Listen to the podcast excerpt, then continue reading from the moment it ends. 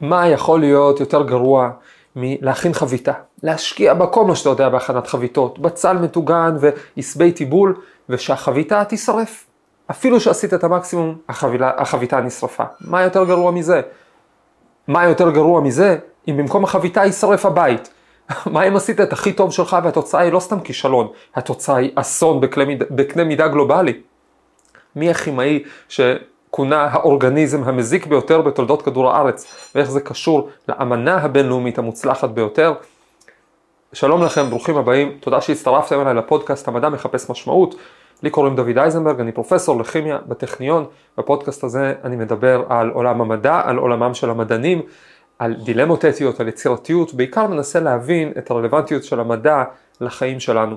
היום נדבר על כישלונות גדולים והעוצמה הגדולה שטמונה דווקא בהם. בשבוע שעבר דיברנו על כישלונות קטנים יותר, דיברנו על זה שכשבן אדם נכשל, נופל, חלק, זה חלק מההתקדמות שלו, מוזמנים לשמוע על הסטודנט שעזב ארבעה תארים אה, ובדרך אל ההצלחה הגדולה. היום אני רוצה לדבר על כישלונות גדולים באמת אה, ולהפיק מהם שתי, שתי תובנות משחררות ומחזקות במיוחד. הסיפור הראשון, סיפורו של תומאס מיג'לי. תומאס מיג'לי היה מהנדס כימיה אמריקאי אה, שחי לפני כ-80 שנה, הוא נפטר לפני בערך 80 שנה. במהלך חייו היה לו סיפור חיים רגיל, הוא היה כימאי אה, מאוד מוערך, אה, ממציא מוצלח, אה, הוא חתום על כמה המצאות מאוד חשובות שפתרו בעיות גדולות ובאמת שיפרו את חייהם של אנשים בכל מיני מובנים. אחרי מותו הסתבר שתומאס מיג'לי הביא נזק עצום לכדור הארץ, שהוא חתום על שתי, שתיים מההמצאות הנוראיות ביותר של האנושות. וצריך להבין איך זה קורה כזה דבר. ההמצאה הראשונה של תומאס מיג'לי זה אה, שהוא מצא פתרון איך אפשר לשפר את הניצולת ואת היעילות של דלק על ידי הוספה של אה, של תרכובת עופרת מסוימת, טטרייטיל עופרת, אה, לתוך הדלק. בעצם בדלק הייתה בעיה, האם בתוך מנוע בעירה פנימית היה צריך שהדלק יידלק ברגע הנכון, אמ, והיה קשה, קשה לכוון את זה, והוא אחרי ניסוי וטעייה והרבה תובנות חשובות הגיע למסקנה שיש תוסף אחד שאפשר להוסיף בכמויות שונות, הוא מבוסס על עופרת, והתוסף הזה משפר באופן אה, מדהים את הנצילות, את היעילות של מנוע בעירה פנימית, את, את הרכבים, הכניס הרבה, הרבה מאוד כסף לחברה שלו, ובאופן כללי שיפר יותר שאנשים נוסעים ברכבים. זה היה בשנת 1921. התוצאה של ההמצאה שלו הייתה שהרכבים שהתחילו לנסוע עם תוספי עופרת, התחילו לפלוט עופרת ברחבי כדור הארץ. העופרת זיהמה את האטמוספירה, התחילה להצטבר בתוך גוף, גוף גופים של אה, חיות ובעיקר, וגם בני אדם, בעיקר ילדים, אה, שעופרת היא רעילה ביותר, שמביאה למחלות נוירולוגיות בין השאר. עד כדי כך שיש סדרה ארוכה של מחקרים, זה נחשב ממש מוכח, שעליית מפלסי העופרת באטמוספירה הביאה לעליית מפלס האלימות במדינות שונות ברחבי העולם, אם לא בכל מקום. עכשיו, אה, האיסור על עופרת בסוף התקבל ברוב העולם במהלך שנות התשעים, היום כבר כמעט אין מדינות שמותר להשתמש בהן בתוספי עופרת בשביל לכוון את האוקטן של הדלק.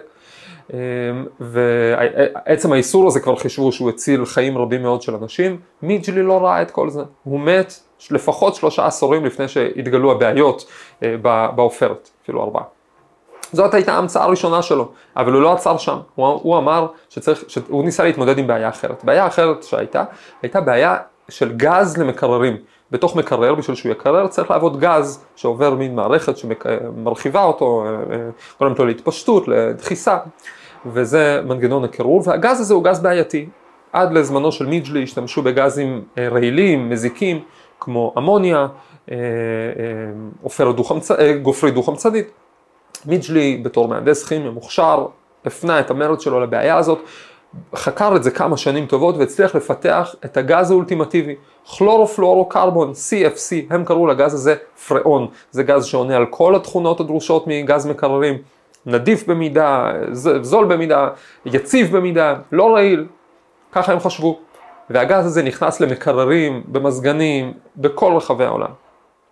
פתרון מצוין. עכשיו מידג'לי זכה לפתרון הזה בכלל הקריירה המפוארת שלו במדע למדליית פריסלי, שזו המדליה הכי גבוהה שה-American Chemical Society, החברה האמריקאית לכימיה נותנת, ו, ו, ומת באמת מדען מאוד מוערך. אחרי כמה שנים, שלושה עשורים, הבינו שהחור באוזון, בשכבה שמגנה עלינו קרינת UV מזיקה ומקטינה משמעותית את אחוז מחלות הסרטן, החור באוזון נגרם בדיוק על ידי הגז שהוא גילה. שזה הגז הזה וגזים כמוהו הם הגזים העיקריים שגורמים להשמדת אה, אה, שכבת האוזון, שמולקולה אחת של פראון, של CFC, יכולה להרוס 100 אלף מולקולות של אוזון בתהליך קטליטי, כי היא כאילו הורסת אחת, חוזרת לעצמה, הורסת אחת, חוזרת לעצמה, מי שרוצה לשמוע פרטים מוזמן לקורס שלי בכימיה אי אורגנית בסמסטר חורף. זאת אומרת שמיג'לי חתום על שתי המצאות גדולות ששיפרו מאוד הרבה דברים, ויחד עם זאת על שני נזקים עצומים אה, ל- ל- לסביבה. זה הגיע לזה שההיסטוריון, אה, אה, היה היסטוריון אמריקאי אחד שאמר שלא היה בתולדות כדור הארץ אורגניזם יחיד שהביא כל כך הרבה נזק לכל כדור הארץ כמו תומאס מיג'לי. הוא האורגניזם הכי מזיק בתולדות כדור הארץ מבחינת ה, מבחינה הסביבתית.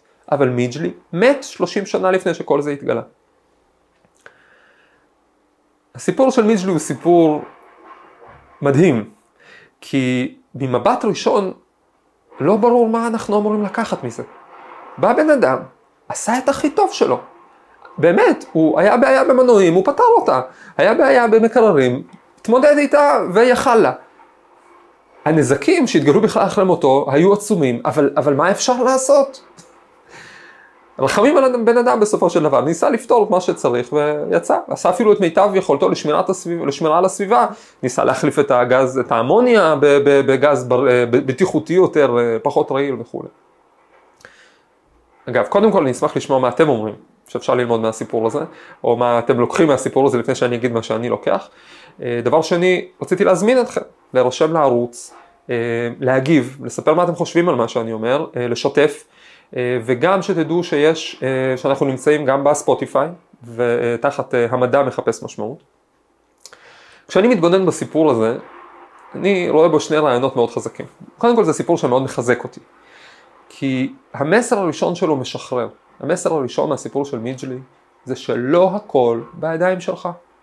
אתה יכול באמת לעשות את הכי טוב שלך, אבל אתה לא שולט בתוצאה. אין לך שליטה במה יצא בפועל. עכשיו, יש, יש, uh, ביהדות רואים את הנקודה הזאת ביחס בין, בין תפילה למעשה. מצד אחד אתה לא יכול להתפלל ולקוות שהדבר יקרה.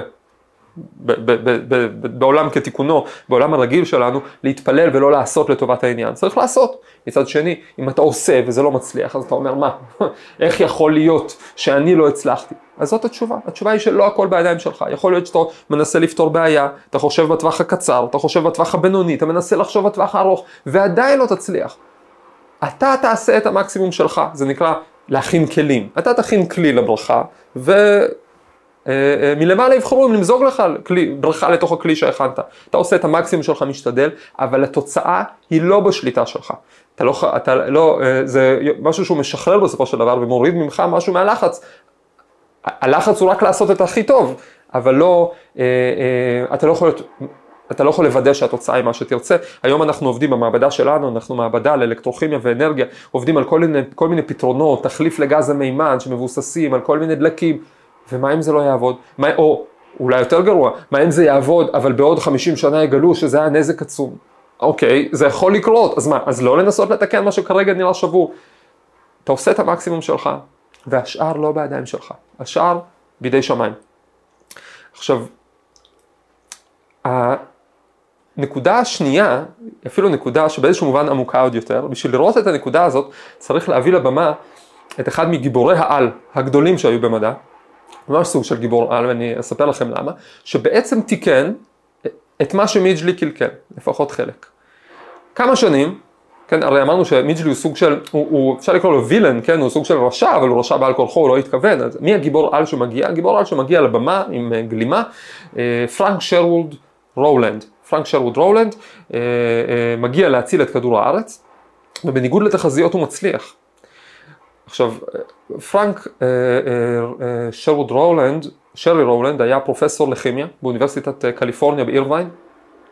אגב, הייתי שם לפני שנה, ולפי החום יש מצב שהוא לא היה לבוש בגלימה אלא במכנסיים קצרים ועם גלשן ביד, אבל הוא היה פרופסור לכימיה אטמוספרית, והוא זה שגילה, שבעצם הציע ראשון, שמה שגורם לחור באוזון, ראו את החור באוזון, אבל הוא גילה שמה שגורם לו זה אותם פראונים של מיג'לי, אותם כלורופלורו-פחמנים שמולקולה אחת יודעת להרוס 100 אלף מולקולות אוזון, זה מה שגורם לחור הזה, הוא פיתח את המודל שמסביר איך זה קורה, אבל הוא לא רק הבין. הרבה מדענים מפענחים דברים ומבינים, הוא לקח את העניין הזה ברצינות מאוד. הוא התחיל לעשות לובינג פוליטי. התחיל לדחוף, אה, ב, אה, לפרסם בכל במה אפשרית את הנזק של החומרים האלה, לפנות לכל מיני גופים, לאו"ם ול, ולממשלות בשביל לאסור עליהם.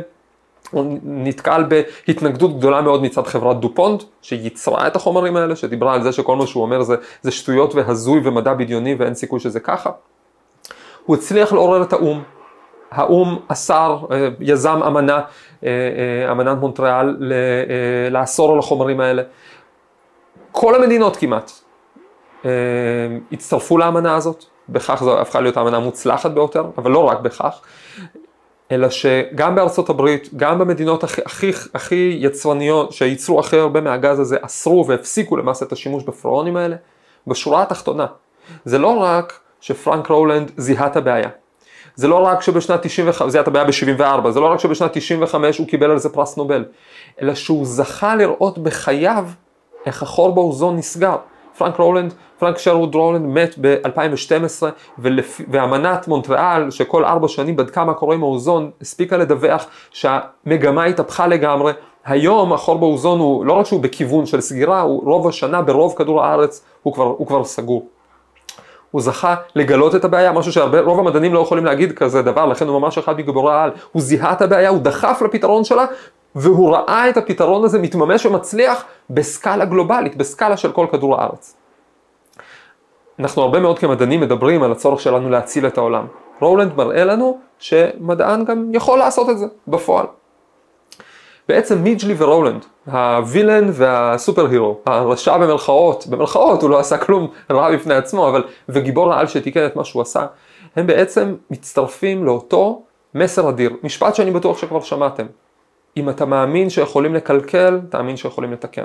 אמר את זה רבי נחמן מברסלב, זה כתוב בליקוטי מאורן, והוא דיבר בדיוק על הכישלונות האנושיים. הציטוט המדויק הוא, לבל יפול האדם בדעתו. מחמת ריבוי הפגמים והקלקולים שקלקל על ידי מעשיו. מה אומר, זה, מה אומר על זה רבי נחמן? אם אתה מאמין שיכולים לקלקל, תאמין שיכולים לתקן. הוא בעצם אומר שלך ולך יש פוטנציאל אינסופי. פוטנציאל כדרכו של פוטנציאל יכול לעבוד לשני הכיוונים, אפשר לממש אותו לכיוון רע, אפשר לממש אותו לכיוון טוב. אם אורגניזם אחד יכול לקלקל את כדור הארץ, אז אורגניזם אחד, אולי אתם, גם יכול לתקן אותו. יותר מזה, אנחנו יודעים, אומרים, אומרים חז"ל שמרובה מידה טובה ממידת פורענות, זאת אומרת יש בייס, יש הטיה מובנית של הפוטנציאל האנושי לכיוון טוב. אנחנו יכולים לעשות טוב במידה אפילו גדולה יותר ממה שאנחנו יכולים לעשות רע, ואפילו שלפעמים אם רואים חדשות זה נראה הפוך, אבל זה רק כי לחדשות יש אינטרס להראות את הצדדים הרעים של החיים. הפוטנציאל שלנו הוא אינסופי, ובעצם בשביל זה לא צריך גלימה ולא צריך חלוק מעבדה, צריך להחליט לעשות טוב וללכת לשם. בהצלחה.